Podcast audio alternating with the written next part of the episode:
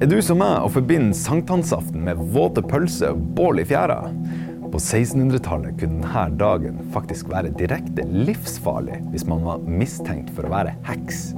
Og Rune Blix Hagen forteller i ukas episode av Observatoriet om sitt spesialfelt heksebrenning og trolldomsprosesser.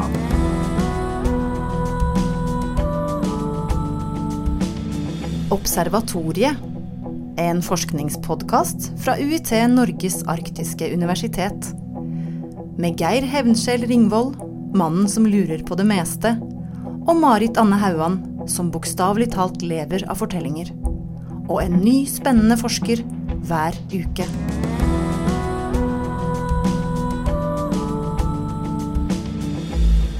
Marit, eh, la oss si at du levde på 1600-tallet. Eh, det var rundt sankthans, og du fikk jævlig lyst til å bare gå ut og, og eh, poppe deg noe sopp og ha oppi gryta. Eh, hva tror du hadde skjedd da? Ja, altså Hvis jeg hadde vært en voksen, skikkelig voksen gammel kvinne som jeg er i dag, så ville jeg nok holdt meg unna det. Men hadde jeg vært en ung og nysgjerrig kvinne, så ville jeg kanskje gått ut og gjort akkurat det. Og da hadde jeg ligget tynt an. Ja. Og eh, det vet jo selvfølgelig du, siden du er folklorist, tross alt. Men eh, det er mange ting eh, som vi eh, skal lære litt om i dag fra deg, Rune Blix Hagen. Om eh, det vi kaller for hekse, hekseri og, og trolldomsprosesser. Det eh, er veldig spennende. Så vi kan først introdusere deg. Du er førsteamanuensis ved Institutt for arkeologi, historie, religionsvitenskap og teologi ved Universitetet i Tromsø, Norges arktiske universitet. Eh, velkommen til oss. Jo, takk for det. Hyggelig, hyggelig dette her. Ja, det Spørs hvor hyggelig det blir å, å, å låte for dem som Ja, nettopp. ikke kjenner Ja, til eh, heksebrenning. Nei, det er en grusom, og, grusom historie. Det, og, og man kan godt si at eh, ser man på alle de menneskene som eh, fikk dødsdom og ble brent på bål, så snakker vi om en av de verste menneskeforfølgelsene, i hvert fall i nordnorsk historie, i, eh, i fredstid. For dette var et norsk fenomen. eh, og vi, vi avgrenser oss til 1600-tallet, hvor dette var eh, rett og slett en, eh, en frykt. Eh, hvem var det som, som frykta hekseri? Og, Vi skal bare legge til at dette her er et fenomen, hekseprosesser, som går over hele Europa, stort sett. Okay. I, eh, I Norge så er det begrensa. Vi har noen prosesser på 1500-tallet knytta til bergensområdet og Vestlandet, men de aller fleste prosessene, den hekseforfølgelsen, foregår på 1600-tallet. Og de verste søkene i, eh, i, eh, i Norge er altså Øst-Finnmark. Hvor hvis vi sammenligner med det lave befolkningsgrunnlaget på eh, 1600-tallet, så snakker vi altså om en regelrett, storstilt menneskeforfølgelse som først og fremst rammer kvinner eh, og noen få samiske menn. Men eh, dette her med at vi har en alvorlig form for kriminalitet hvor majoriteten av forbrytere er kvinner, det er ganske unikt i norsk historie. Men skal vi da si noen tall? Vi snakker altså om Finnmark som har ca. 3000 innbyggere. Hvor 140 blir forfulgt, og 90 faktisk blir dømt til døden. Så det er liksom de tallene. Ja, eh, nettopp. Som, så, og det, det er gans, blir ganske tydelig når du får de, de eksakte tallene opp, at dette her er gedigent. men du nevnte eh, samiske menn, altså det, det vi vil omtale som sjamaner. Eh, var det samiske kvinner også? Ja, det er noen få samiske, eh, samiske kvinner, men noe av det eh, interessante med her, denne her forskninga på trolldomsprosesser i Nord-Norge, er at hvis vi isolerer samene, så er det faktisk flere samiske trollmenn enn samiske trollkvinner. Men altså, eh, med en gang vi kommer ut til de verste plassene, altså kyststrøkene, Vardø, Vadsø, Ekerøy osv., så, og så, videre, så er det norske kystkvinner som blir ramma, nesten utelukkende. Men eh, det som drar opp altså andelen menn, det er altså disse her samene. Kan vi med en gang si at for det er mange som tror at grunnen til at det ble så voldsomt med hekseprosesser i Finnmark, er nettopp pga. det samiske. Det er mange som tror, Samer var jo, var jo berømt over hele Europa, også på den tida, for å være dyktig i trolldomskunst og, og eh, magi. Men eh, det, det er altså ca. en femtedel av det totale eh, totale omfanget av trollfolk er, er, av samisk herkomst. Og de aller, aller fleste er norske kystkvinner. Skal vi etablere en forskjell på Du sa ting som var spennende. Du, du sa dette med trolldomskunst og hekseri, på en måte. Ja. Kan du etablere en forskjell på ja, de der tingene? Det, det, det, er et viktig, viktig, viktig poeng. Mm. For, å, for, å, si det litt uh, Eh, spesielt så har vi ikke hekser i Norge. Mm. Altså, I alle lovgivning og i alle rettspapirer så forbrytelsen er trolldom. Og i flertall, de som, har, som er forbrytere, det er trollfolk. Og når vi går ned på kjønn, så er det flest trollkvinner, og så noen trollmenn. Og faktisk det verste av alt, det er når man forfølger barn under tolv år. Og da har vi altså den korrekte juridiske betegnelsen, historiske juridiske betegnelsen, er trollunger. Dersom man blir tatt og, og man er mindreårig. Og, og, det har vi noen eh, eksempler på. Men, men, i alle de nordiske land så er det altså trolldom som er den rette juridiske, historiske betegnelsen. Mens det tyske begrepet hekse det kommer først inn utover 1700-tallet. og og er, er, er, populært i en del eh, litteratur og sånn. Så det er altså etter disse trolldomsprosessene. Når vi går til lovene og sånn, så er det trolldom og trollfolk det dreier seg om. Hvordan starter det? Vi, vi har snakka om 1600-tallet, at det, det, er da det er på sitt mest aktive, det, den her forfølgelsen. Eh, har du noen kilder på det? For at, eh, jeg glemte å si det innledningsvis, men det, det er jo eh, De fleste skjønner kanskje at dette er noe du har forska på og, og vet veldig mye om. Eh, hva kan vi si om, eh, om eh, opprinnelsen for ja, til, til, det er det å si at grunnen til at flere av oss er så opptatt av akkurat dette her med trolldomsprosesser i Finnmark, er at vi har så gode kilder. Vi får, altså Det å forske på trolldomsprosessene i Finnmark gir oss faktisk et inntak til hele dette store, store feltet. Altså Vi kan reise rundt omkring i Europa og, og diskutere likheter og forskjeller nettopp pga. at vi har så gode kilder.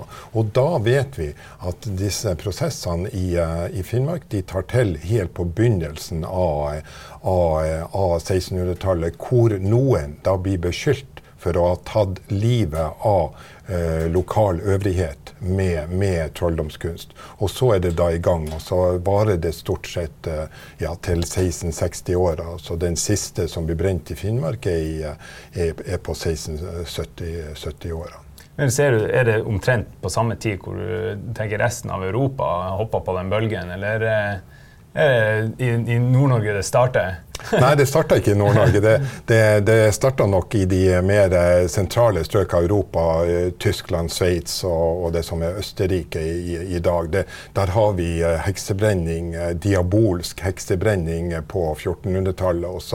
Og så kommer da eh, andre deler av Tyskland, eh, Nord-Italia, Frankrike, Baskeland og England, Skottland kommer da med et stykke utover 1500-tallet. Men, men eh, de, den kjernetida for heksebrenning i, både i Nord-Norge og, og, Norge er 1500-tallet. Men det starta litt tidligere i bergensområdet. Um, Anne Pedersdatter er, det, er, vel den mest kjente heksa i Norge, og hun blir brent på Nordnes utenfor uh, Bergen i 1590. Og litt av det som gjør det spennende i, i, når man forsker på trolldom i Finnmark, er at det er kontakter Eh, kontakter ikke bare når det gjelder handel mellom Bergen og Finnmark, men også når det gjelder overføring av, mm. av mentalt tankegods. Så noen av det, det vi ser i de, tidlige protestene i Bergen, ser vi så igjen i, i, i Finnmark. Hvem har dette mentale tankegodset? Hvem er det som forvalter det? Ja, det er jo en, det er jo en uh, Der er jo du eksperten, men, men, men, altså, men, altså, men altså, det er jo et kjempe interessant innfallsvinkel. Altså, er, altså det, du har den folkelige trolldomstroa på den ene sida, og så har du den, eh, skal vi si, den intellektuelle elitetroa. Og denne, denne elitetroa er jo veldig knytta opp mot Satan, diabolisme, som vi kaller den. Men Satan er litt mer fraværende i den folkelige eh, trolldomstroa. Men det er når disse møtes, når disse møtes i disse harde rettsprosessene, så ser vi gjerne at det begynner med ganske uskyldige ting. Altså hvit, helbredende magi og folketroa kommer frem, men så blir det etter, som, etter hvert som rettsprosessene går, så er det da denne her eliteforestillinga som blir mer og mer viktig. Og plutselig er det sånn at disse kvinnene flyr gjennom lufta, de skaper seg om til ulike dyr. Fisk, og ulv, katt og, og hund. Og så har de heksesabbat både på Lyderhorn i Bergen og på Domen utenfor Kiberg og, og, og Vardø. Og, og, dette er altså de mer typiske diabolisme-elitemotivene. Så nettopp det der eh, med Man kan eh, forske på disse her prosessene med å forsøke å få fram folkelige trolldomstro eller folklore rundt dette her. Men så er det altså for, forkludra med denne her diabolismen, satanistiske tenkninga som, som, kommer ovenifra. Men så er det altså akkurat som at eh, På starten av 1600-tallet så var det noen som eh, bare fant ut at hei, folkens, her har jeg funnet forklaringa på det dødsfallet og det skipsforliset og sånne ting. Og så sprer det seg som en sånn eh, allmenn eh, oppfattelse av mm. at eh, det finnes, og det er er det noen som er flinke til, og derfor må vi eh, ta, altså, komme dem til livs. da. Eh, hva var eksempler på eh, ting de ble beskyldt for å stå bak? Nei, Det er helt riktig det du, det du, det du sier her. Altså.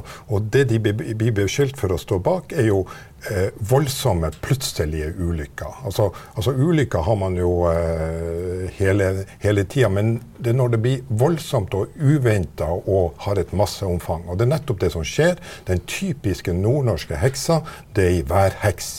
Hun steller til uvær, eh, masse vind, sånn at eh, handelsfartøy og også fiskefartøy forliser og folk drukner. Altså drukningsdød. Og når dette skjer i masseomfang, så i, i ei tid hvor folk tror på trolldom, og særlig hvor eliten er, er ute, så sakte, men sikkert så avdekker man altså organi et organisert nettverk et organisert kvinnelig nettverk som, som har kontakter med, med, Satan og konspirerer mot den guddommelige, men, eh, den eh, guddommelige orden. Og, og, så får de altså skylda fordi de har eh, forpurra næringsgrunnlaget osv. Så, videre. så den første store prosessen hvor man brenner nesten samtidig ti kvinner er nettopp pga. det at man har laga, stelt i stand eh, voldsomt uvær en, en, juleaften, sånn at eh, når folk, fiskere var ute og skulle trekke fersk torsk til julehøytida, så kom en plutselig storm,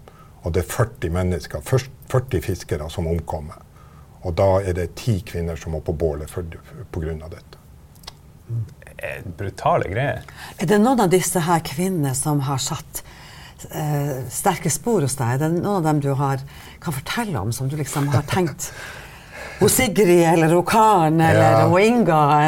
Noen ja, av dem som har er, eh, For det første kan vi jo si at det jeg leser, er jo justisprotokoller, det er domsprotokoller. Mm. Men de fortellingene som er der, de overgår jo alt det man leser i de mest fantastiske eventyrene.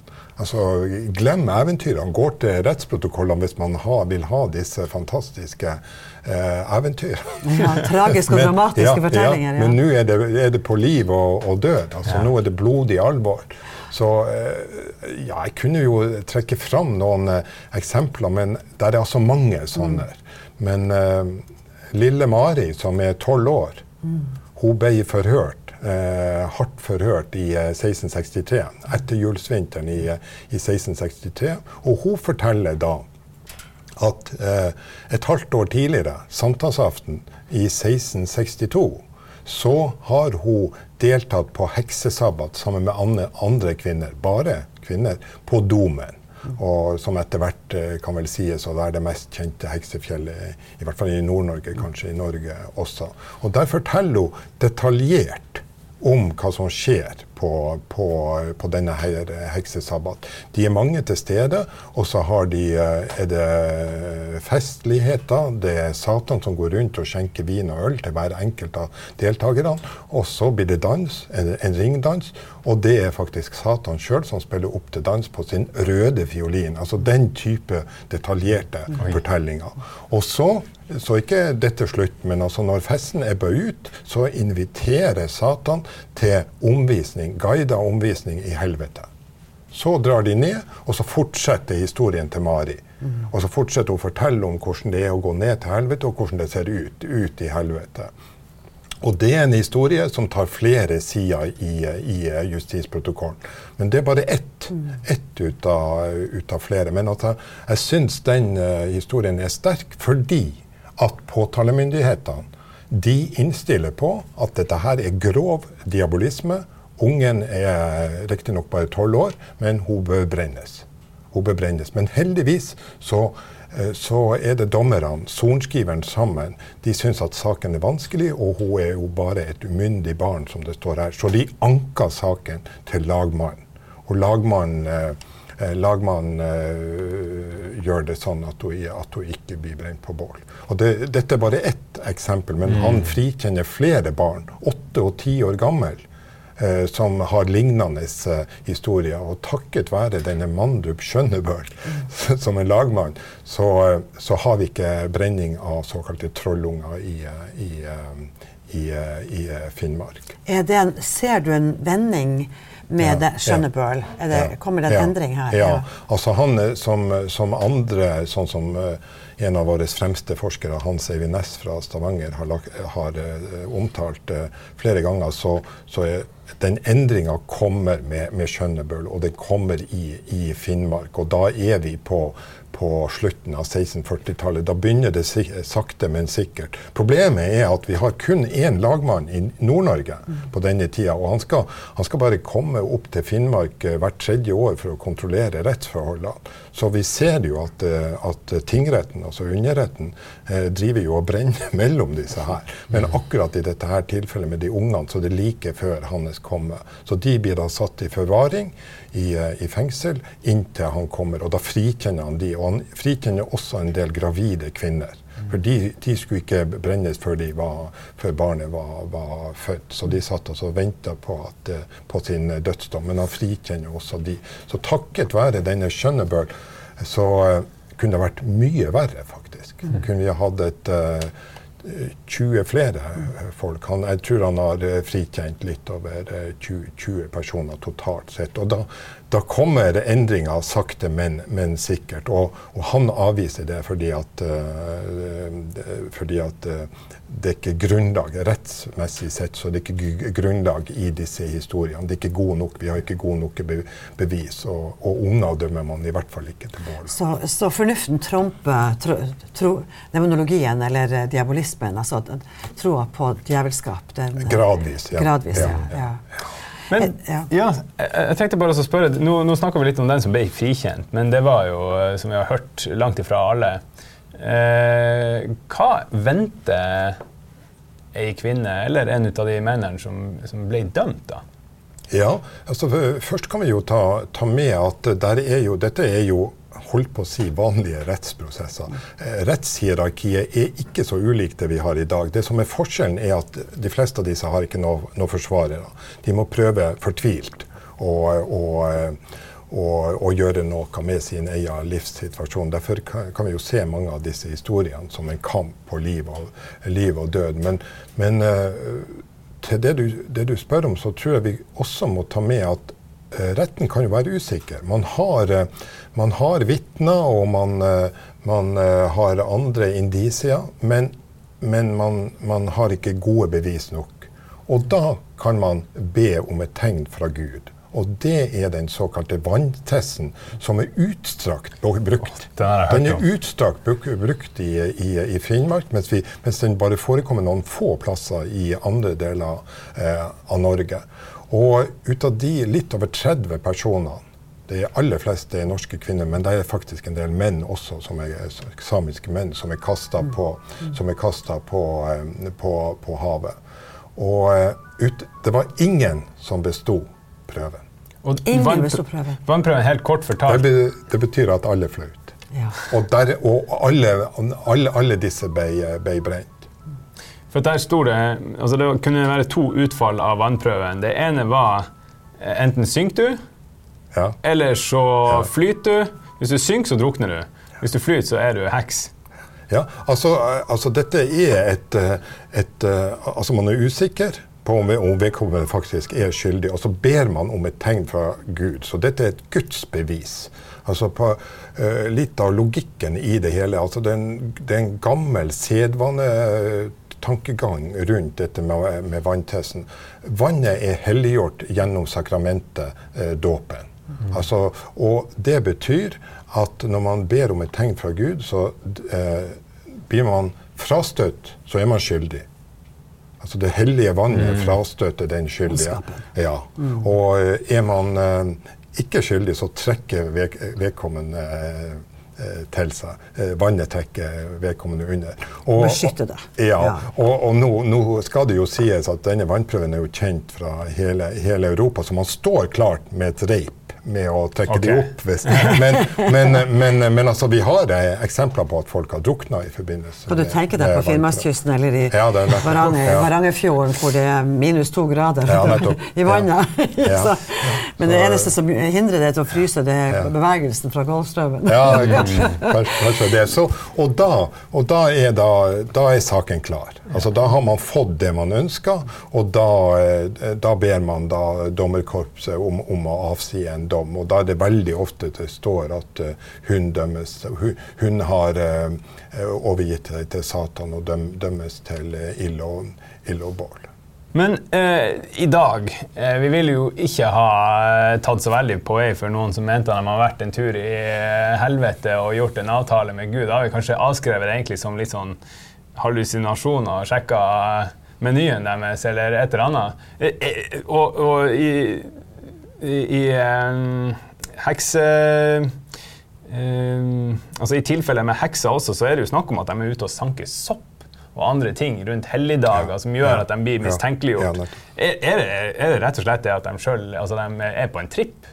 Eh, ja, altså det, det, er faktisk eh, noen som har den teorien at, at, noe, i hvert fall noe av dette kan, kan eh, forklares med hallusinasjoner som er fremkommet gjennom inntak av forderva mat eller sopp som gir ulike F.eks. fantasier om det å kunne fly i lufta og, og, og lignende. Så det er, der er andre vitenskaper som trekker det, det, det fram. Men, men til akkurat det du sier, så, så, tror jeg det viktig å understreke at det høres jo veldig uskyldig ut at man er ute og sanker noen noe sopper på en, på en dag som sankthans. Men det ene er at dette er, der er noen sånne farlige dager hvor magien er mer virksom enn på andre dager. Sankthansaften er en sånn dag, halloween en annen, juletida, altså valborgsaften og, og, og lignende.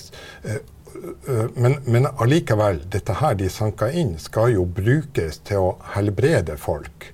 Eh, I, eh, I, stor utstrekning. Og Da er det viktig å, å, å, legge til at også den hvite helbredende magien er forbudt. Og Det er derfor vi har mm. dette her. Den er kriminalisert. Så de som driver med legevirksomhet i en sånn magisk sammenheng, og det rammer virkelig befolkninga. Det, for dette var jo noe man, man, man, eh, man, trodde på. Man hadde jo ikke noe legevitenskap, så, så, det er kanskje det viktigste med hele denne historien. Altså, at også den hvite magien, er signeri og, og, og lignende, eh, er, er, forbudt. Kan du huske på at lokalbefolkningen, eller befolkninga, eh, hadde jo klart seg i mange tusen år før den offentlige helsevesenet ble etablert for ca. 400 år siden. ikke sant? Så man hadde jo innenfor folketroa og folkemedisinen utvikla både tro og kompetanse. Hva er det som er godt på sår? Hva gjør at såret gror? Hva gjør at hodepine letter? lette? Hva gjør at fødselen går lettere hos mm, kvinner? Alt dette var jo en kompetanse som var en folkelig kompetanse. Og den som du sier, Rune, så så riktig blir jo veldig sterkt trua i denne perioden. Vi kan jo snakke om at på et eller annet vis så er jo perioden så kort at det, man kan kalle den for en parentes i historien. I den lange historien. I den lange ja, historien, ja, ja, Men allikevel så syns jeg det som på en måte um, utfordrer mitt, min tankegang, det er jo spørsmålet finnes Finnes hekseforfølgelse i dag? Vi, er det noe som vi kvitter oss med når fornuften seirer over elitens eh, folkelige trosutøvelse i rettssalene deres? Er er det over? Ja, det er over i, i, i, i Norge og, og i, Europa. Dette her er en, som du sier, en, en kort periode, men, men allikevel en, en, brutal periode i, europeisk, europeisk historie på 1500- og 1600-tallet. Men det som er nedslående, er jo at hekseforfølgelse som sådan er ikke noe avslutta historisk kapittel. Det er noe som foregår for fullt i en del andre verdensdeler, særlig er det Afrika som en del afrikanske land som har vært eh, framme, men, men, også en del eh, islamske land i, i Asia og, og, også en del i, eh, i, i Sør-Amerika. Og, og, det gjør jo også at denne her type forskning er litt uh, relevant. Altså Vi vet litt om hvorfor det begynte, hvorfor det slutta i Europa, og kan vi bruke dette her i, uh, i denne her forfølgelsen som i denne hekseforfølgelsen som er ganske voldsom i en, i en del land den dag i dag. Og, og flere har jo eh, påpekt at eh, mye av det som kommer fram i Kongo, Kenya og eh, Sør-Afrika og en del andre land, det ligner veldig mye. Historiene er er veldig mye, mye de samme. Og det er det lokale rettsapparatet som, som særlig er, er, opptatt av dette her. Og folk får Eh, får de som blir kalt for trollfolk og hekser, blir da beskyldt for noe av det samme som ulykker og, og skadevirksomhet som, som, man så i Europa. Så, så eh, eh det får vel være i hvert fall én av samfunnsrelevansene til denne her, mm. her forskninga. Eh, eh, og litt av problemet er jo også med den eh, koloniale fortida som Europa har i forhold til Afrika, så er det litt vanskelig dette her. Hvordan skal man gå ut mot tradisjonell afrikansk folketro, hvis det nå er det? Eh, så, så, så, derfor gjelder det å kanskje gripe fatt i eh, mot, motstrømbevegelser som faktisk finnes i disse her landene. Det kan være kvinnebevegelser, det kan være menneskerettighetsorganisasjoner eller, eller andre som har sitt utspring i disse her eh, landene. Og det kan jo bare For å understreke hvor voldsomt dette her er, så eh, noen forskere, antropologer og historikere og en del andre har forsøkt å satt tall på dette her. Og det er altså brent flere mennesker for trolldom i etterkrigstida enn hva det ble brent i, i Europa på 1500- og 1600-tallet. Og da, på 1500- og 1600-tallet så snakka vi om sånn 45 000 ca.? Ja, ja, sånn, ja, det, det, det, tallet, det tallet man, man har. Ja. Jeg, får jeg lov til å skyte et lite spørsmål til om dette med samfunnsrelevans? Vi vet jo at på 1600-tallet Geir, så var det en, en, fryktelig vanskelig periode for Finnmark. Det var svart hav, det var dårlig vær. Eh, man kaller det for den lille istida. Og det er sånn flere sånne sånne år hvor du ikke får noe modent av det du, det du sår eller setter i jorda. Så det er et fryktelig press på befolkninga som allerede bor i sånn ytterkanten av sivilisasjonen. Nå har vi jo den lille istida. Eller vi har, vi har, ikke en lille istid, men vi har den gode oppvarmingstida. Vi har en sterk klimaendring. Um, kan vi snakke om at um, hekseforfølgelsen var en form for syndebukkaksjon? Og, og ser vi den typen syndebukkbevegelser i vår tid? Er det noe som ligner, bortsett i, i, i Vesten, hos oss Kaukas? Ja, ja, viktig, viktig poeng er akkurat dette her med å stemple folk som syndebukker for et eller annet som går galt. Det kan være på individuell plan eller i litt større sammenheng. Det er jo, det er jo noe vi ser gjennom lange perioder av, av historie, og det er veldig viktig i disse her trolldomsprosessene. Altså, disse Eh, disse kvinnene og disse norske kystkvinnene får jo skylda, blir jo gjort til syndebukker for eh, masse ting som går galt, og masse ting går galt nettopp på 1600-tallet. Mm. Du er inn, inne på dette med lille istimen. altså, vi har jo rivalisering. Det er jo masse ytre fiender som presser på. Og litt av min forståelse for dette her feltet er at uh, trusselen den ytre trusselen fra russere, fra engelskmenn, fra nederlendere, fra svensker, fra finner, finner det er jo det er forsterker opptattheten av indre fiender. Sånn at det er nok en uh, slags sammenheng mellom det å være opptatt av uh, ytre fiender og det å, det å, bli redd for at man har en konspirasjon midt i, uh, i det fellesskapet man, man, står. Og trekker man den parallellen i andre sammenhenger, så, så trenger jeg vel ikke å si så mye om det. Jeg, jeg står igjen litt sånn her eh, Både egentlig sulten på å få vite mer, eh, og, eh, og litt sånn slått i bakken av at det her har vært i Norge. Og jeg tenker altså 400 år siden, det er ikke så forbarska lenge siden. Men det er noe godt i hvert fall at vi har nådd opplysning til den graden at eh, det her ikke er noe vi trenger å tenke på lenger. da. I hvert fall ikke her i eh, I hvert fall ikke her i Norge, nei. nei.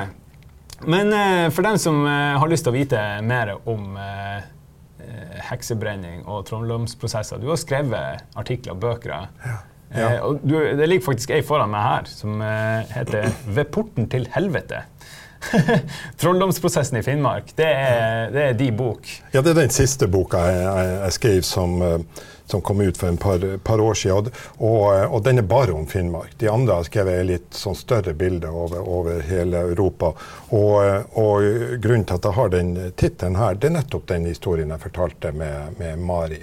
Mari. At hun forteller at hun er på besøk i, i helvete. Og det er jo det, jo, det var en forestilling om at uh, inngangen til Satans rike lå nordpå. Det lå i nord nordområdene, det lå i Arktis. Og, og I 1632 så fikk uh, fanger fra, engelske fanger som dømte dømt til døden, de fikk eh, forespørsel, noen av dem, om de ville komme til Svalbard og passe på de engelske eh, verdiene som sto igjen. Det var jo hvalfangst som foregikk der. Om de ville være der og passe på dette over en vinter.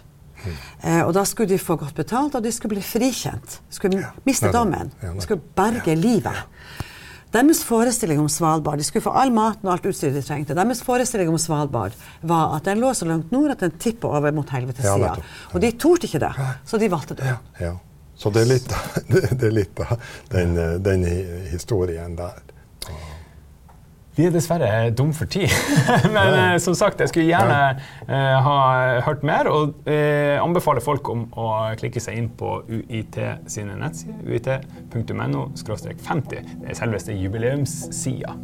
Eh, tusen takk for at du kom, eh, Rune Blix Hagen. Ja, det er bare hyggelig. Ja. Takk til dere. Vel, takk, tusen takk.